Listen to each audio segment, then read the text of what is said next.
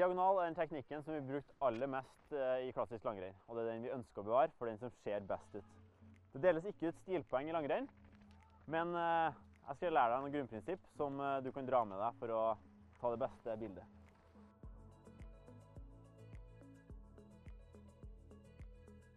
Diagonal handler veldig mye om rytme, sånn som det her. Det sier seg sjøl i navnet. Diagonalt annenhver arm og fot. Det som er viktig i diagonal, det er å få med hele kroppen, at den jobber sammen. Her er trommestikkene dine, der du styrer bevegelsen.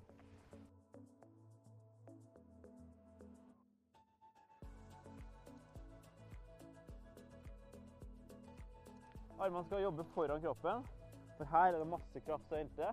Bak her er det ikke noe kraft å hente. Den bruker vi kun som en avlastningsfase når vi går sånn som her. Hvis du er på en av dine første turer på klassisk ski, så vil jeg at du skal starte turen din med å gjøre litt sånn som det her. Finn rytmen. Veldig mange har problemer med den diagonale bevegelsen, der armer og bein jobber sammen.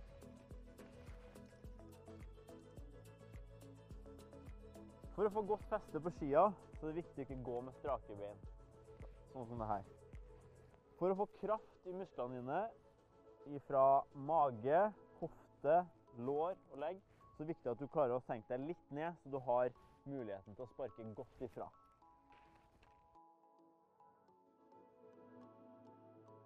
For å få godt feste, så er det viktig at du har all vekt på den ene foten når du skal sparke ifra. Da er det sånn som det her, og du ned og sparker ifra.